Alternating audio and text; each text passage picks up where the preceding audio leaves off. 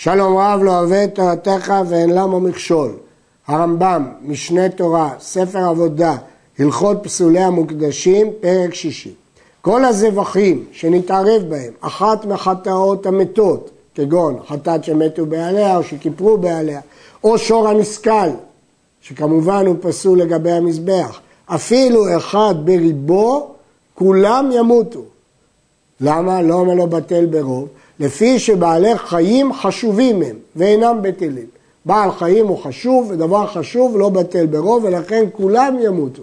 ואם הקריב, אם בכל זאת הוא לקח אחת והקריב אותה, הוצא, עלה לו לרצון, שאין בעלי חיים נדחים. הטעם הזה שהרמב"ם נותן פה, שאין דיחוי בבעלי חיים, לא מובן. הרי אנחנו אומרים שכל בהמה אולי היא פסולה, אז מה קשור נדחים או לא נדחים? איך היא קשרה על גבי המזבח? הרי אולי היא אחת מהקורבנות הפסולים. על הקושייה הזאת יש כמה תירוצים. תירוץ אחד, שכל הדין הזה שבעלי חיים הם חשובים הוא דין דה רבנן, אבל מן התורה בטלים, ולכן אם הוא הקריב בדיעבד זה קשה. אבל אם כך קשה, למה הרמב"ם מנמק שאין בעלי חיים נדחים? פירוש יפה פירש רבי מאיר שמחה בספרו אור שמח, שלאחר שנשחטו כדי להקריב, בטלה חשיבותם. אז אם בטלה חשיבותם, אז הם כבר בטלים ברוב, ולכן הם כשרים. ואם תשאל, הרי הם כבר נדחו כשהם היו חיים, על זה עונה הרמב"ם, שאין בעלי חיים נדחים. ואז דברי הרמב"ם מיושבים. נתערב בהם אחד מאיסורי מזבח, לא חטאת מתה או שור הנזקל, אלא דברים שאסורים למזבח, כמו רובע, נרבה, אתנן, זונה, מחיר כלב. יראו כולם עד שיפול בהם מום, וימכרו, ויביא בדמי היפה שבהם מאותו המין, של הקודשים, שנית... למה? של הקודשים שנתערב. כלומר, הוא התערב אחד מסורי מזבח האחרים, אז פה אני לא אומר שכולם ימותו, כי הדין שימותו זה דווקא בחטאת, בשור הנסכל, אבל בסתם פסול מזבח, הדין הוא שיראה עד שיסתאב, עד שיפול בו מום, ויביא בדמי היפה מהם מאותו המין של קודשים שנתערב. הקורבן שיתערב באותו המין, אם הוא זכר או נקבה, יביא בדמי היפה שבהם. כמובן, זה אם יתערב, זבח אחד באיסורי המזבח. אם יתערבו כמה, אז יביא לפי כמה שיתערבו. נתערבו קודשים בחולין תמימים. קורבן יתערב בתוך עדר של חולין, והחולין האלה תמימים. יימכרו החולין שבתערובת לצורכי אותו המין, ויקרבו, יקרבו כולם. כיצד? ארבע בהמות שלמים שיתערבו בארבע בהמות חולין תמימים. יימכרו הארבע של חולין למי שהוא צריך להביא שלמים, ויקרבו הכל שלמים, וכן בעולה או בעשן, והדמים חולין לכל דבר, שהרי דמי חולין הם. יש לי עכשיו ארבע, שמונה בהמות, ארבע מהם שלמים, ארבע מהם חולין. אני לא יודע מי שלמים ומי חולין. מה אני עושה? אני מוכר את הכל למי שבין כך חייב שלמים, ואז הוא יקריב את הארבע של החולין לשלמים, וגם את הארבע של השלמים לשלמים, ואז הכל יקרב שלמים. והדמים שמכרתי יהיו חולין, כי היו לי ארבע בהמות חולין, לכן הדמים שלהם חולין. וכן בעולה או באשם. אותו דבר אם יתערבו עולות בחולין והאשמות בחולין. לא כשהתערבו יחד עם השלמים, אלא שלמים בחולין, עולות בחולין או האשמות בחולין, אז עושים כך, מוכרים למי שחייב לצורכי אותו המין, והדמים חולין. נתערב שור הקדש בשברים חול, גדול שבכולן הקדש, ומכרו השאר לצורכי אותו מין. לחומרה, אנחנו אומרים שהגדול הוא הקדש, ואז פה השאר הדמים חולים, אבל לצורכי אותו המין. פשוט כמו ההלכה הקודמת. נתערבו קודשים בקודשים, חטאות בחטאות, מין במינו, זה יקרב לשם בעליו, וזה יקרב לשם בעליו, אף על פי שאין כל אחד מהם מכיר קורבנו. אין לנו בעיה, אנחנו יכולים להקריב את זה לשם הבעלים שלו ואת זה לשם הבעלים שלו. מה אכפת לי אם אני יודע מי אה, הבעלים של כל אחד? במה דברים אמורים בקורבנות נשים שאין בהם שמיכה?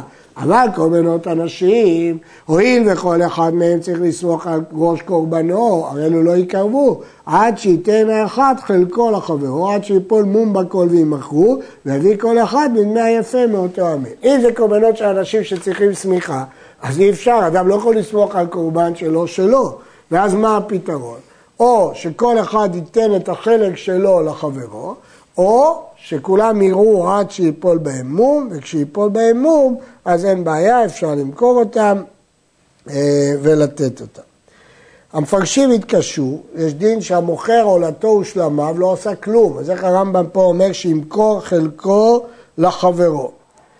אה, יש שרצו לטעון שיש הבדל בין למכור את הכל למכור חלק.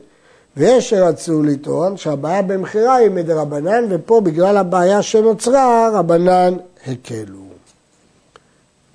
יש לשאול, הרי השמיכה לא מעכבת, אבל כיוון שזה היה ראוי לשמיכה, וכעת לא ראוי, לכן השמיכה מעכבת. נתערב מין בשאינו מינו. עד עכשיו דיברנו שהקודשים יתערבו מין במינו.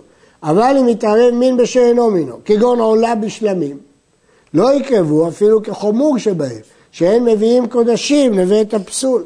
לא נגיד שנקריב את כולם כחמור שבהם, כי על ידי זה הוא ממעט באכילתם, ממעט בזמן אכילתם, וגורם שלא יאכלו אותם בכלל, או שיאכלו אותם פחות, או שיאכלו אותם יום אחד במקום יומיים, והדבר הזה אסור, כי אסור למעט. אלא כיצד יעשה?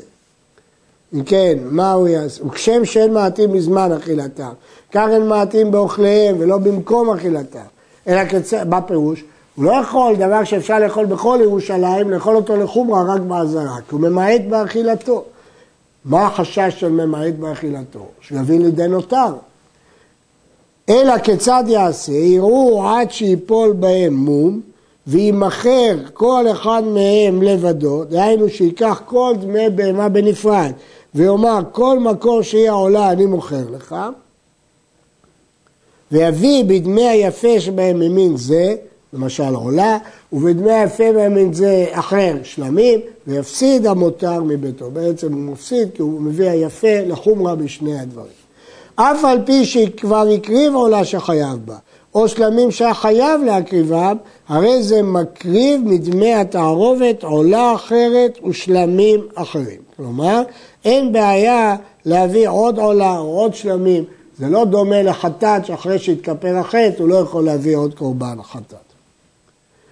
חטאות שנתערבו בשלמים, יראו הכל עד שיפול בהם מום, ויביא בדמי היפה שבהם שלמים, ובדמי היפה שבהם חטאת.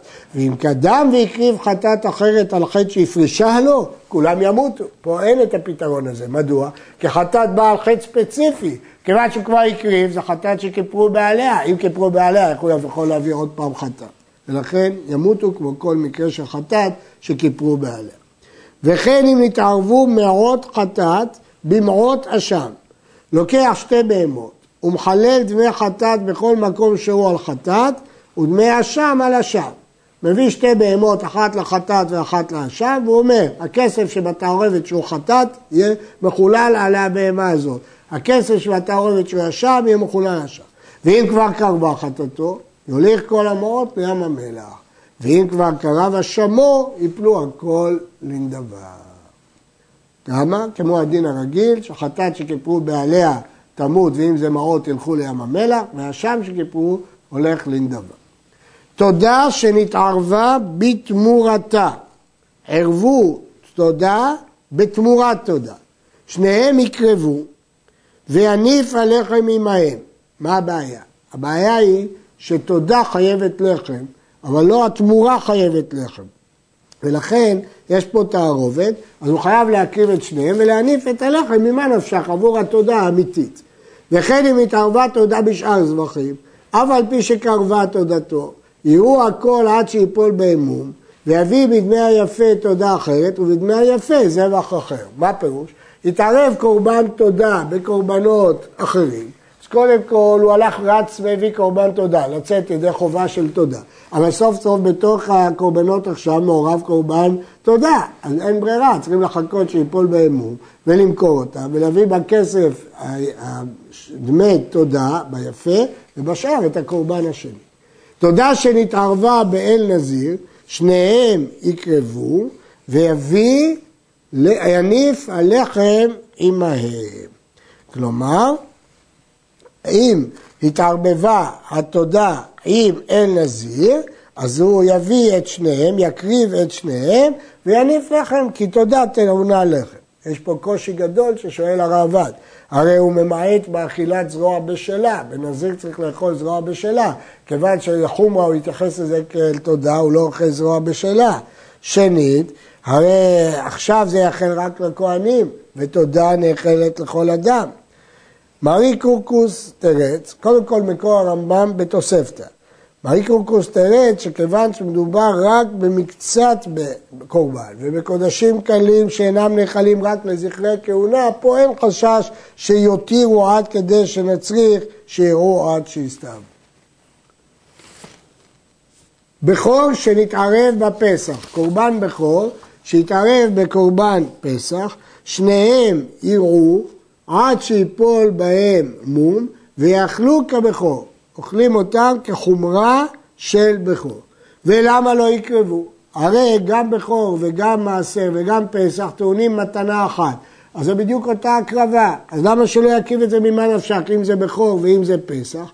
לפי שהפסח נאכל לכל אדם עד חצות, והבכור לשני ימים, ולא נאכל על הכהנים, והם מביאים קודשים לבית הפסול, והם ממעטים באכילתם. כבר אמרנו שלא גורמים למעט באכילה, ופה אתה תאכל את זה לפי החומרה, כלומר לפי פסח רק עד חצות. אבל הבכור אתה יכול לאכול אותו יומיים. שנית, אתה תלך כחומרה כמו בכור ותאכיל את זה רק לכהנים, אז יהיה הרבה נותר ויישרף. אין ממעטים באכילת קודשים.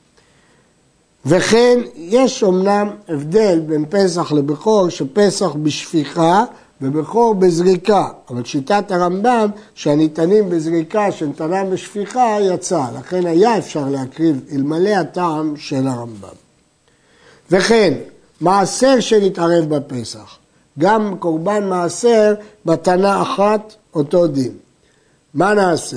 כשיפול בהם מום יאכלו כמעשר. שוב, אי אפשר להקריב אותם בגלל שהוא ממעט באכילתם, אלא יראו עד שיפול בהם מום, ואז אפשר לאכול אותם כמו דין מעשר בהמה.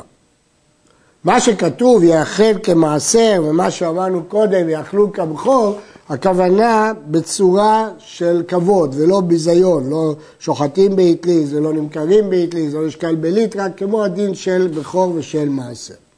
וכן שאר קדשים שנתערבו בבכור ובמעשר, יראו עד שיפול באמון, ויאכלו כבכור שנפל בו מום, או כמעשר שנפל בו מום. אבל סוף סוף יש פה עוד קודשים, אז איך מתקנים את הבהמה של הקודשים?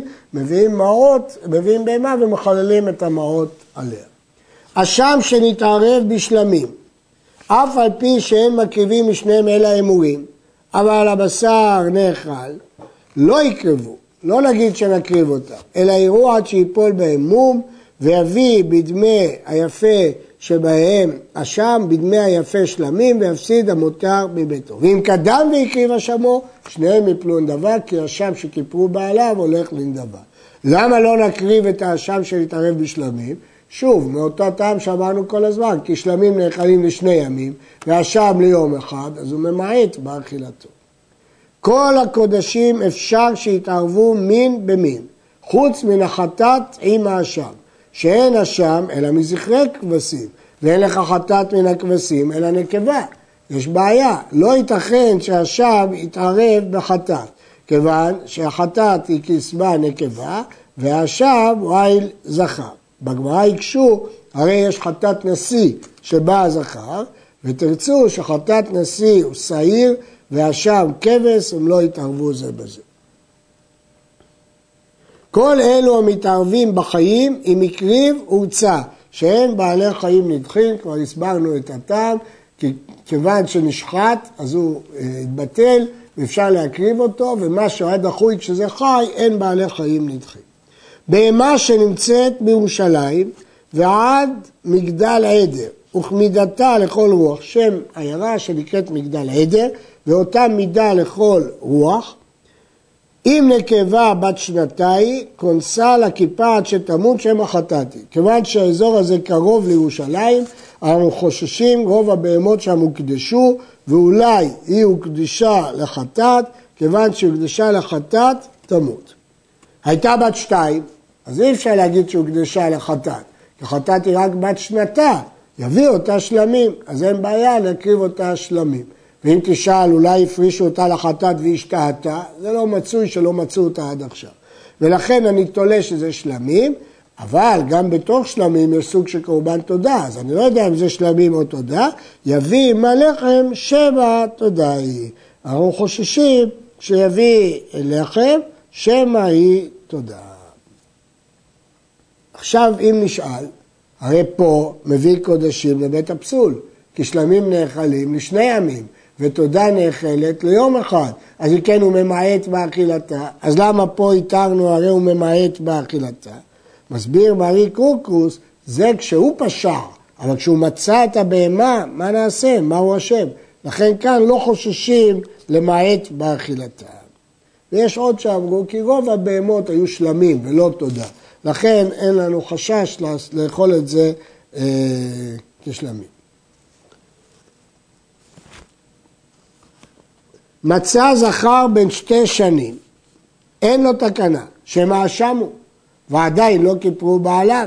אנחנו חוששים שזה אשם, ואי אפשר להתנות כי שלמים טעונים נסכים והאשם אינו טעון נסכים. ולכן יש פה בעיה, אין פתרון. מצא זכר בן שנה, מניח אותו עד שיפול בו מום, הוא מביא שתי בהמות תחתיו, הוא מתנה ואומר, אם עולה היה, זה עולה תחתיו. ואם שלמים היה, זה שלמים תחתיו.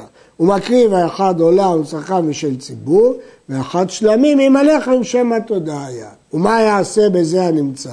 יאכל במומו. מה יש לנו לחשוש? אפילו היה בכור או במעשר, במומו הוא נאכל. אפילו בכור או מעשר נאכל במומו. ואם פסח אחר זמנו הוא, הרי זה שלמים. ובזמנו הכל נזהרים בו, אין חשש שזה פסח, כולם שומרים על הפסחים. אלא אם זה שלמים, נאכל במומו. ואם תאמר שמא אשם נזיר או אשם מצורע הוא, אינם מצויים תמיד. אשם נזיר או אשם מצורע באים בני שנה.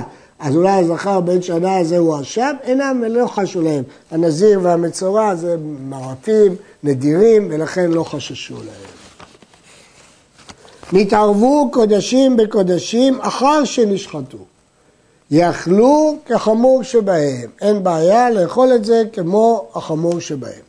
נתערבו בפסולי המוקדשים או בחולין שנשחטו באזהרה, זה פסולים, אתה לא יכול לאכול את זה. תעבור צורתם ויצאו לבית השרפה. אברי חטאת שנתערבו באברי עולה, מניחים הכל עד שיפסדו ותעבור צורתם ושורפים אותם באזהרה במקום ששורפים פסולי הקודשים. כי אין לנו מה לעשות איתם. מה נעשה אותם?